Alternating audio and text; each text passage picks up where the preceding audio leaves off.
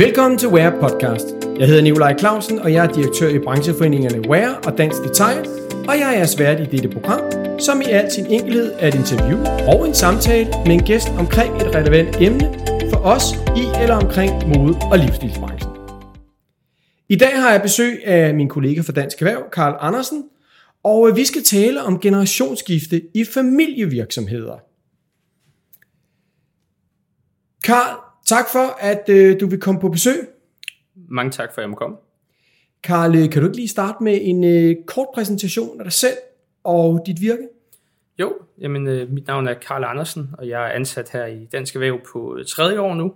Sidder nede i vores øh, skattepolitiske afdeling og har fået det store ansvar at være den øh, sådan ekstra kontaktperson til vores familieejede medlemsvirksomheder, og har derved et, øh, et go- en god indsigt i, hvem de familieejede virksomheder er, og har et særligt ansvar for generationsskifte skat og alt, der har at gøre med generationsskifte af virksomheder.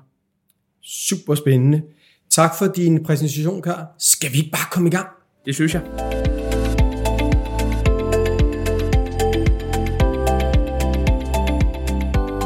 Ja, skal vi, vi, vi, vi har jo lige aftalt, Karl, inden vi gik i gang, at det her er jo sådan en overordnet introduktion til, hvad er det for nogle problematikker, der er, når man ligesom skal generationsskifte i sin virksomhed, uanset størrelsen på virksomheden. Og bare lige for at sige også til lytterne, at du er jo ikke altså advokat eller revisor, der sidder og laver de her ting for vores medlemmer, men vi rådgiver dem i, hvad er det for nogle ting, de skal tage fat i. Så det er ligesom den der overordnede fortælling, vi skal i gang med. Og hvis vi ligesom starter på det, hvad er den sådan grundlæggende problematik omkring det her med ejerskifte inden for familie? Hvad er det, du ligesom sådan, hvad er det, du oplever her, når nu du sidder og taler med dem derude? Og kan du give et eksempel på, hvad det er for nogle typer virksomheder, du også ligesom møder? Jamen, det kan jeg godt. Altså, familie og virksomheder er jo en divers øh, gruppe. Det er jo alt lige fra tøjforretninger til øh, maskinhandlere og øh, taxabranchen, og det er det hele, altså det, det er hele paletten.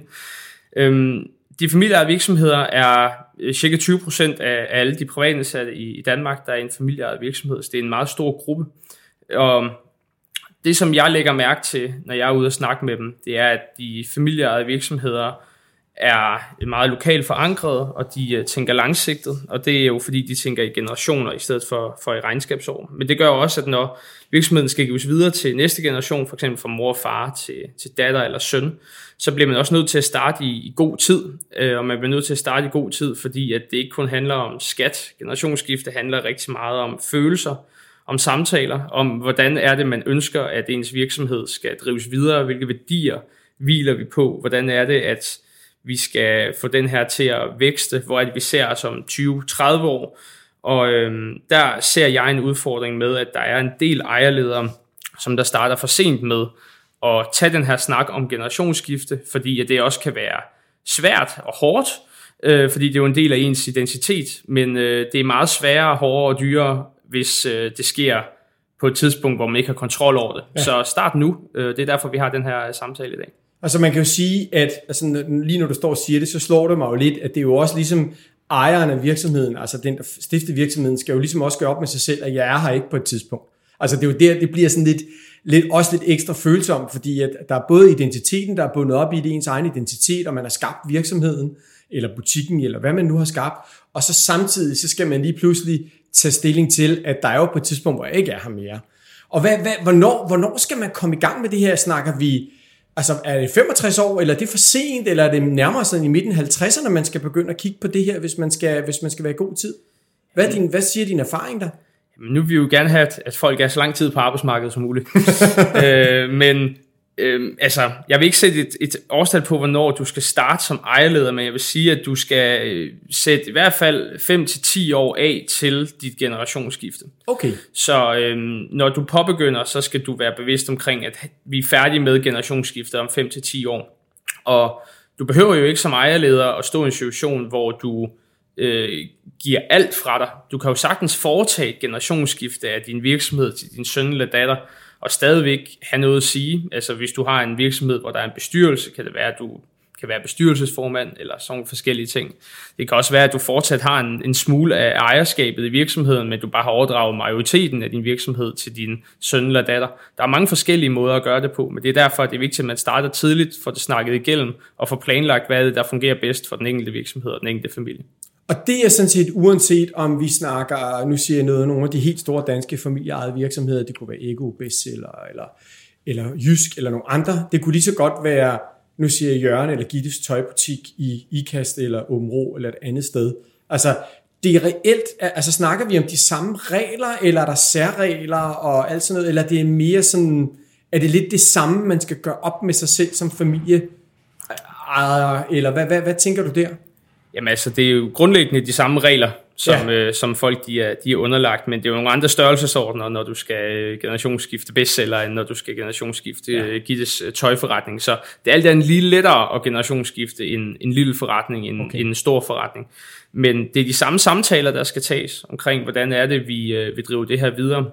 Især fordi, at det, der også kendetegner de familieejede virksomheder, er, at de jo ikke blot er et øh, CVR-nummer. Typisk så er det jo en institution i byen, eller familiens kendetegn i lokalområdet, så man vil jo ikke have, at, at det går dårligt, eller at, øh, man, øh, at, at virksomheden opfører sig på en måde, som, som der sætter sådan familiens øh, ry og ære i, øh, i forlegenhed. Nej. Så derfor øh, er det, øh, betyder det rigtig meget, både for de store og de små. Så øh, kom i gang i sådan en god tid, 5-10 år. Mm. Øh, I hvert fald have en 5-10 års plan, så kan man jo stadigvæk godt fortsætte i virksomheden bagefter, enten som formand, eller som aktiv i butikken, eller andet. Altså, ja, man kan sagtens øh, fortsætte sin, sin, sin aktivitet der. Det handler bare om at få flyttet ejerskabet, i hvert fald det primære ejerskab, over til dem, som man ønsker skal drive den videre, og også få dem ind i virksomheden tidligt. Øhm, der er jo ikke noget værre end at komme i sidste øjeblik og, og sige til sin søn eller datter sådan, hej, øh, kunne du ikke tænke dig at, at drive forretningen videre fra næste år af? Ja. Det er øh, både meget svært måske for den, der for sønnen og datteren, men også øh, svært økonomisk øh, ja. at gøre.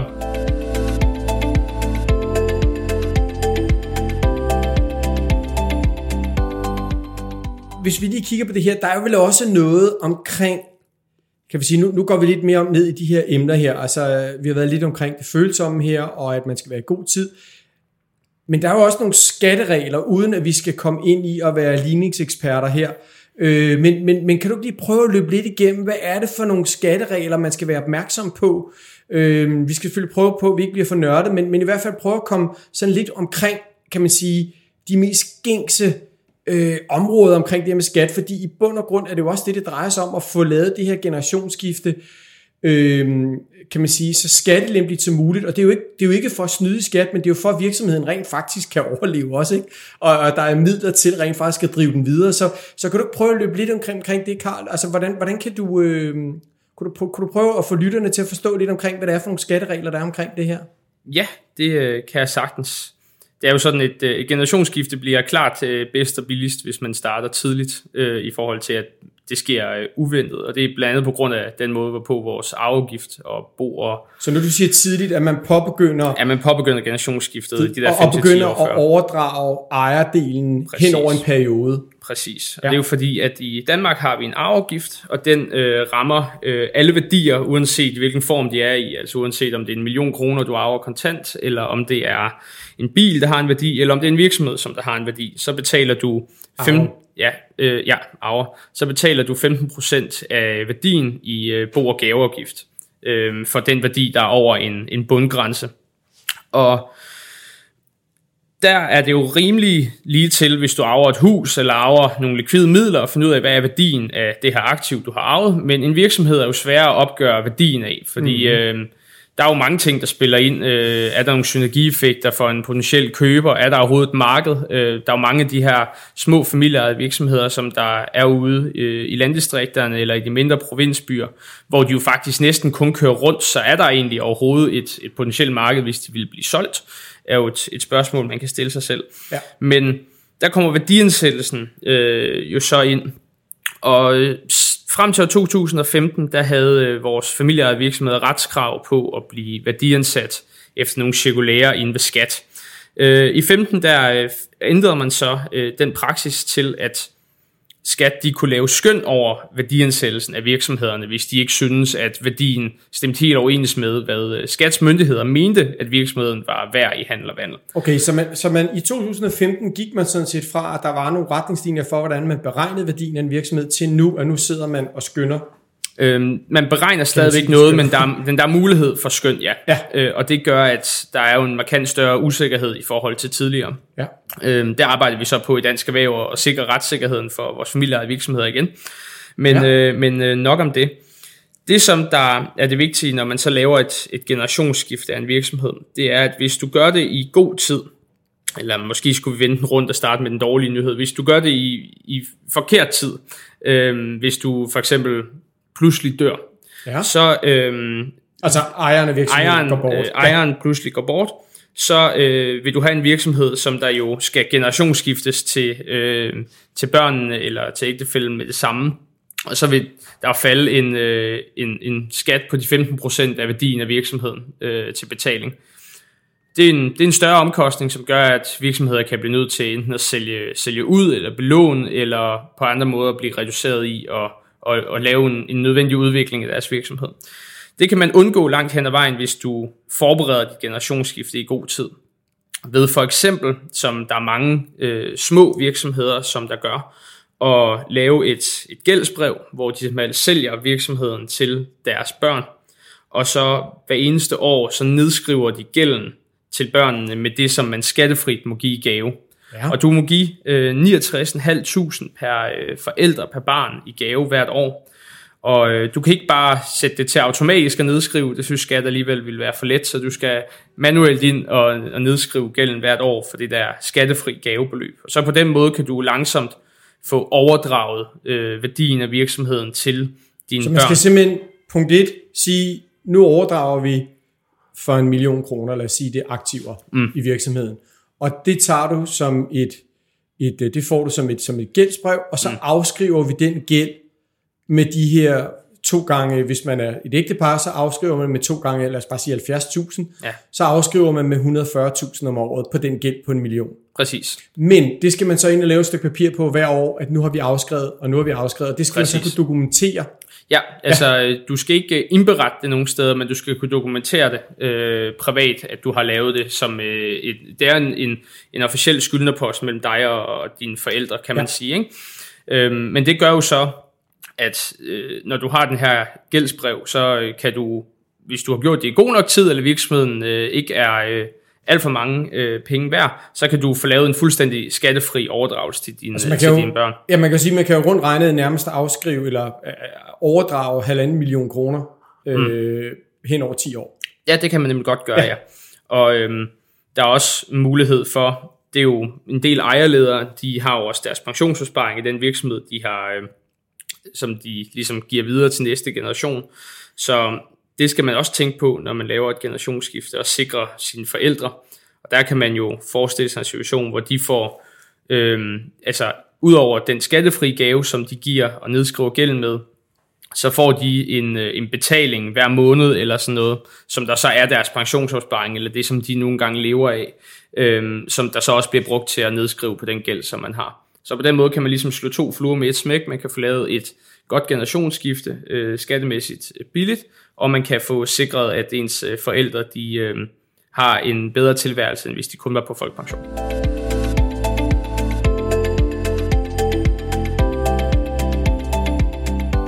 Det her med at overdrage virksomheden, der er jo også det her med, altså nu, nu siger vi bare, at det er, det er familie, der overdrager til familie.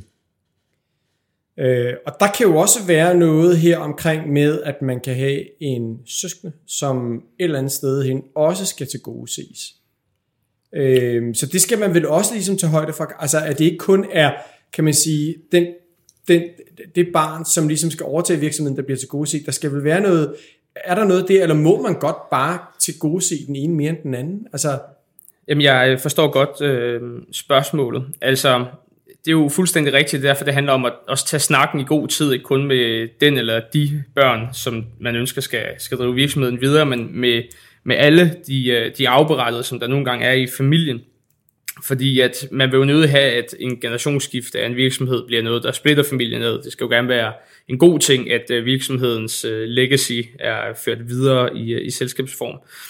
Øhm, det man jo gerne må, det er, at der er, øh, det er så arveretten, som der er, øh, er en helt øh, afsnit for sig selv næsten. øh, men der er sådan nogle flere ting, man skal være opmærksom på. Altså, hvis du nu øh, er ægtefæller, og, eller ikke, ikke hvis du er ægtefæller, hvis du øh, har en virksomhed, og du ikke er gift, men du har et barn, og øh, du går bort, så er din, øh, din partner er faktisk ikke arving til dig overhovedet. Øh, dit barn arver ja. alt fra dig. Øh, og det er en øh, lidt uheldig situation, hvis jeg du har... Jeg halvdelen af den værdi, du har med din den du bor sammen med selvfølgelig, ikke? Øh, jo, men hvis du nu ikke er gift. Nå ja, det er rigtigt, ja. Så, øh, så kan ejer du, du øh, det, du ejer. Ja, ja, så kan du stå i en situation, hvor din 13-årige øh, barn lige pludselig har hele virksomheden, og din øh, samlever skal købe barnet ud. Ja. Det er en lidt øh, uhensigtsmæssig situation. Ja. Så øh, derfor er det klart en fordel at blive gift, øh, fordi så bliver, man, så bliver det reduceret til 50-50 mellem barnet og ægtefælden. Ja. Men endnu bedre, som jeg klart vil anbefale alle ejerledere at gøre, det er at få lavet et øh, testamente. Fordi hvis du får lavet et testamente, så kan du begrænse det der 50-50 regime til øh, tvangsarv. Og tvangsarv, det er 25 procent, og det er de 25 procent, der så skal deles mellem din ægtefælle og dine børn. Okay, så, så lad mig lige, hvis jeg forstår ja. det rigtigt, så, så hvis du er gift, mm. så går 50% af værdierne eller aktiverne går til ægtefælden. Yes. Så er der 50% tilbage, mm. som, går til børnene. som går til børnene. Yes. Men det kan man reducere med halvdelen, således at vi reelt, at de samlede aktiver kun, nu siger jeg kun, skal, skal man sige, arve eller give bort 25 procent. Præcis. Ja. Og det øh, frigør så 75 procent Ja. i friarv. Før havde du 0 procent i friarv, Ja, nu har du fordi du var 75 gift. procent. Ja. Præcis. Øh, nu har du 75 procent, som du jo så kan øh, sige, jamen for eksempel alle aktiverne i min virksomhed går til min øh, søn, som der er i gang med at få foretaget generationsskiftet af den her virksomhed. Øh, det kan også være, at man skal give øh, en stor del til, til sønnen der, men så øh, giver man en, en skatte eller en, en afmæssig begunstigelse af de andre børn på nogle andre måder. Sådan, så på den måde kan man til gode se øh, børnene på forskellige måder, eller ens ægtefælde på forskellige måder, hvis du laver et testamente. Det er den eneste måde, hvorpå at du kan lave øh, en situation, hvor du til gode ser folk på en, på en måde. Ja. Og hvis du ikke ønsker at tage debatten med dine børn eller din ægtefælle, det kan jo være øh, en følelsesmæssig debat, så øh, er der jo ingen, der har krav på at se dit testamente, så du kan jo lave det helt for dig selv. Og, øh, Det skal bare lige, ville det være en god idé også lige at få ting lyst, ikke? Så jo, jo, det skal, ja. øh, altså, det er jo ikke krav, der skal tinglyses, men det, øh, det vil klart anbefale, at man Ja. gør. Øhm, og det, det koster 500 kroner at gå ned til en notar, øh, og så øh, når du dør, så popper øh, det simpelthen op øh, på alle de officielle skærme, at der er et dokument, som der skal læses. Ja. Så øh, der er utallige eksempler på ejerledere og almindelige borgere, som der har lavet et testamente, som der bare har lagt i en skuffe Ja. et eller andet sted, og så opdager man det øh, 10 år efter, men den er stadig juridisk gyldig, fordi det er et testamente, og så øh, kan det jo, Okay. øh, så kan der stå alle mulige øh, Ting, ting, som- som, der er rimelig uhensigtsmæssige øh, Ja. bagudrettet. Ikke? Der er selvfølgelig nogle forældelsesfrister og sådan noget, men, øh, men, men, men klart, Få det, men få det taget up front, ja. Ja. hvis uheldet skulle være ude. præcis, få det tinglyst og få det, få det gjort. Ja. Ja.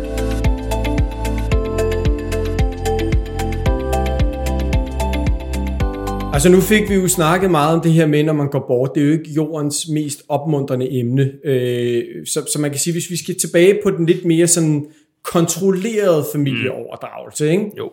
Øh, så, så, øh, så kan man så sige, så, så tager man snakken, man sætter sig ned og finder ud af det. Hvad gør man så? Tager man så fat i sin advokat, revisor, eller er det eksterne rådgiver, eller hvad, hvad gør man for ligesom at sætte den her proces i gang? Hvad, hvad, hvad, hvad, når du taler med virksomheden derude, hvad, hvad, hvor hører du så, der har været den bedste proces? Altså, den bedste proces har været der, hvor øh, familien har gjort op med sig selv, hvad det er, de gerne vil i, øh, i første omgang. Øh, sådan, hvem er det, de kunne tænke sig at skulle drive det videre? Hvordan kunne de forestille sig, at virksomheden så ud om, om 10 år? Øh, hvordan er økonomien i det hele?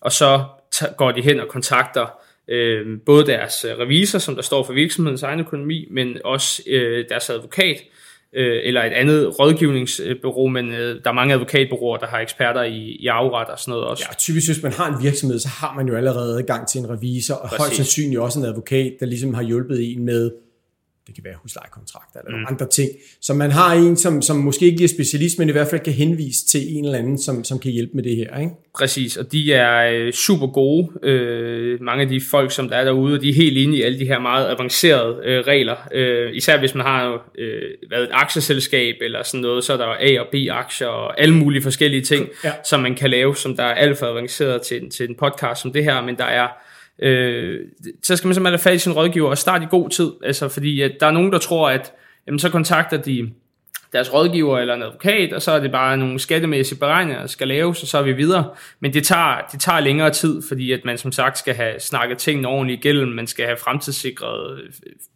afgivers økonomi og sørge for, at arver også har mulighed for at betale afgiften. Og, og man skal sikre sig, at virksomheden kan drifte bagefter Præcis. og alt det der. Ikke? Så der er virkelig mange ting, som der skal tages, øh, som der skal tages højde for. Så ja, øh, få talt igennem, og så få kontaktet både ens øh, revisor og ens øh, advokat, og øh, simpelthen få sat nogle indledende møder op og finde ud af, hvilke muligheder er der. Især hvis du skal til at lave selskabs øh, omkonstruktioner og sådan forskellige ting, okay. så, øh, så kan det godt tage, tage lidt tid at få, øh, få, få alle de ting på plads, hvis du skal flytte aktiver over imellem forskellige nye selskaber og sådan ting. Øhm, hvilket kan være fordelagtigt, når der skal laves et generationsskifte i øh, bider for eksempel.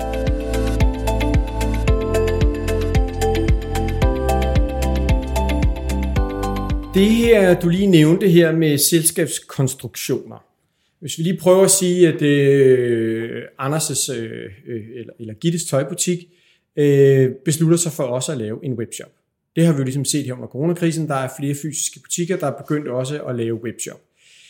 Altså, kan, kan det være en fordel eller ulempe at lave den i et separat selskab med sit eget CVR-nummer, eller eller sådan ren øh, testamente, overdragelsesmæssigt, er det måske klogere at holde det i et selskab, eller hvad? Altså, jeg, jeg ved ikke, om du har tænkt, nu er det også lidt tavlet lige at fyre den af her, ikke? Men, men, men hvad tænker du lige omkring det, fordi, altså, selve det her med for eksempel at få hjælpepakker, der var det jo en fordel at have flere CVR-numre, fordi så fik man jo på de enkelte butikker i forhold til, hvor meget man havde tabt.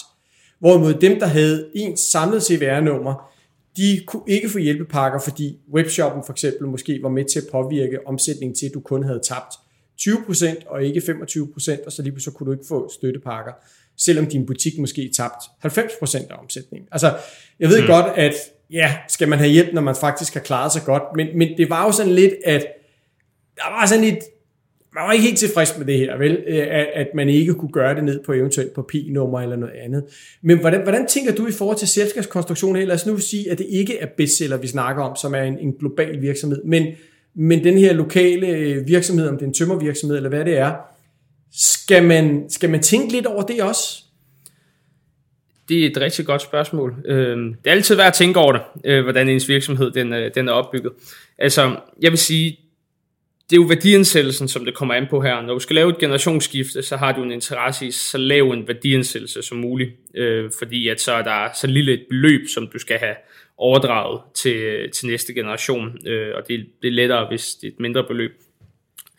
Siden 15, der har skat jo langt hen ad vejen kunne lave skøn over værdien af virksomhederne, og det er jo især en udfordring for digitale virksomheder og tech-virksomheder, også øh, webshops, fordi de har jo ret store ekspansionsmuligheder, fordi de er jo globale i udgangspunktet, når de er på nettet. Så derfor øh, kunne man godt forestille sig en situation, at hvis man havde en virksomhed, der havde en selvstændig forretning, og så en selvstændig webshop, at så vil øh, man rent skattemæssigt kunne øh, vurdere webshoppen øh, som værende potentielt meget mere værd, end den egentlig øh, er, fordi at den har flere udviklingsmuligheder end den fysiske forretning. Så der vil jeg nok, øh, øh, uden at lægge hovedet på blokken, men anbefale, at man ligesom sammenkobler det digitale med det fysiske, hvis man har en lille forretning i en lille, butik, i en, en lille by, fordi at så bliver webshoppen bare en del af den lille forretning, og den er alt andet lige øh, mindre værd, fordi den har øh, færre ekspansionsmuligheder end en, en selvstændig webshop. Så du har mere sikkerhed om din værdiadsættelse, hvis du sammenkobler dem i forhold okay. til, hvis du adskiller dem. Altså simpelthen fordi, at man man umiddelbart vil vurdere, at en fysisk butik har det sværere. Mm. Altså, I princippet, ja, altså du kan, altså hvis du har en webshop, øh, og øh, de står og kigger på nogle modeller på, jamen okay, hvor, hvor stor er væksten i internethandel, og øh, hvis du nu øh, på et tidspunkt laver en engelsk udgave i en hjemmeside, kan du så sælge til, ja. øh, til hele verden, og bla bla bla. Det, det handler jo generelt om, når du skal lave en værdiansættelse af et aktiv, og du gerne vil have den til så lav en værdi som muligt, så skal du sørge for, at der er så få øh, ubekendte som overhovedet muligt i den virksomhed, som du har. Og der vil jeg klart anbefale at bare samle det i en virksomhed. Ja. Øhm, så, så, fordi det, det, det vil påvirke virksomheden mindre i værdiansættelsen. Jeg tror, at den fysiske forretning vil trække altså, så, meget, så meget ned, at du vil stå stærkere i forhold til, at du skal overdrage en ren øh, e-handelsbaseret virksomhed. Det, ja. øh, det, det tror jeg, at du vil komme til at, at betale for meget for. Ja. Og det, det, er jo, det, er jo, det, er jo, det, er jo, det er jo grund til at spørge dig om det her, det er jo fordi, som du selv siger, det her med at holde værdi nede. Og, så, og her der kommer vi jo slet ikke ind på, at det kan der jo være et andet familiemedlem, der ikke har interesse i, fordi at vedkommende ikke skal overtage, øh, men selvfølgelig gerne vil arve af sin det er forældre. Rigtigt. Så, det er jo, så derfor er det jo, som du siger, det er jo del mig vigtigt, at, at alle er med rundt om bordet, når man sidder her og snakker om det her generationsskifte, ikke? Fordi fuldstændig rigtigt, fordi altså, du, kan jo, du kan jo virkelig stå i den situation, at, øh, ja, at hvis der er øh, en, der helt vil gerne vil føre forretningen videre, og gerne vil arve den med, med et generationsskifte, og der er en anden, som der egentlig bare venter på, at øh, den kan blive solgt. At den kan blive solgt, ikke? Ja. Øhm, det er jo to vidt forskellige interesser, man har, når det kommer til værdien af virksomheden, men også hvordan øh, virksomheden er driftet på sig, ikke? om ja. man vil gøre den klar til salg, eller om man vil foretage investeringer, som der jo først genererer et overskud om 10 år. Ikke? Ja. Så det er, som man kan sige, det her med at tænke over konstruktionen, det er ret vigtigt øh, i forhold til, at man fjerner nogle ubekendte, der lige pludselig kan få skat til at vurdere den helt vildt skævt. Mm. Øh, og så samtidig, som vi også har været inde på, så det her med at sikre sig, at alle lige er klar over, hvad er det, vi snakker om her, når vi værdiansætter, ikke? Og det er jo, at barn nummer et eller tre, eller hvem det er, køber den her virksomhed til den her pris. Præcis. Øh, og hvordan bliver de andre så kompenseret for det? Mm. Øh, eventuelt måske først ved et dødsfald, eller når man går bort. Altså, ja. Ja, ja. der er også noget med det, at der okay, så får øh, den, der skal overtage virksomheden, får, øh, kan man sige, nogle penge her nu, øh, og kan få dem til at vokse, øh, og skabe sig en formue der, hvor de andre må vente på at få nogle penge. Mm. Øh, altså, så det er jo... Altså, der er virkelig mange ting, der skal, ja. der skal, der skal køres op. Ikke? Ja. Øhm, tit så ender det jo med, at generationsskifte, typisk har man to børn, og så kan det godt være, at det kun er den ene, der egentlig vil drive virksomheden, men så den anden bliver medejer af virksomheden på en eller anden måde. Okay, så en silent partner. Ja, øhm, og så laver de jo nogle aftaler med, hvem får øh, udbetalt løn fra virksomheden så og sådan noget. Og sådan. Okay. Så på den måde kan du lave mange ting. Så du stadig har ejerskab af virksomheden ved et eventuelt frasalg senere, ja. eller at du så eller at din bror så køber søsteren ud af virksomheden efter generationsskiftet er lavet, ja. og alle sådan forskellige ting kan man jo lave, ikke? Ja. for ligesom at komme udenom det. Ja. Øhm, men, men så, det vil være, du vil helt klart anbefale, at man får det lavet nogle rene linjer fra starten af. Ja, Bum, færdig. Ja. Det er det her, vi har aftalt. Alle skriver under. Vi er yes. enige. Nu kører vi. Præcis. Ja.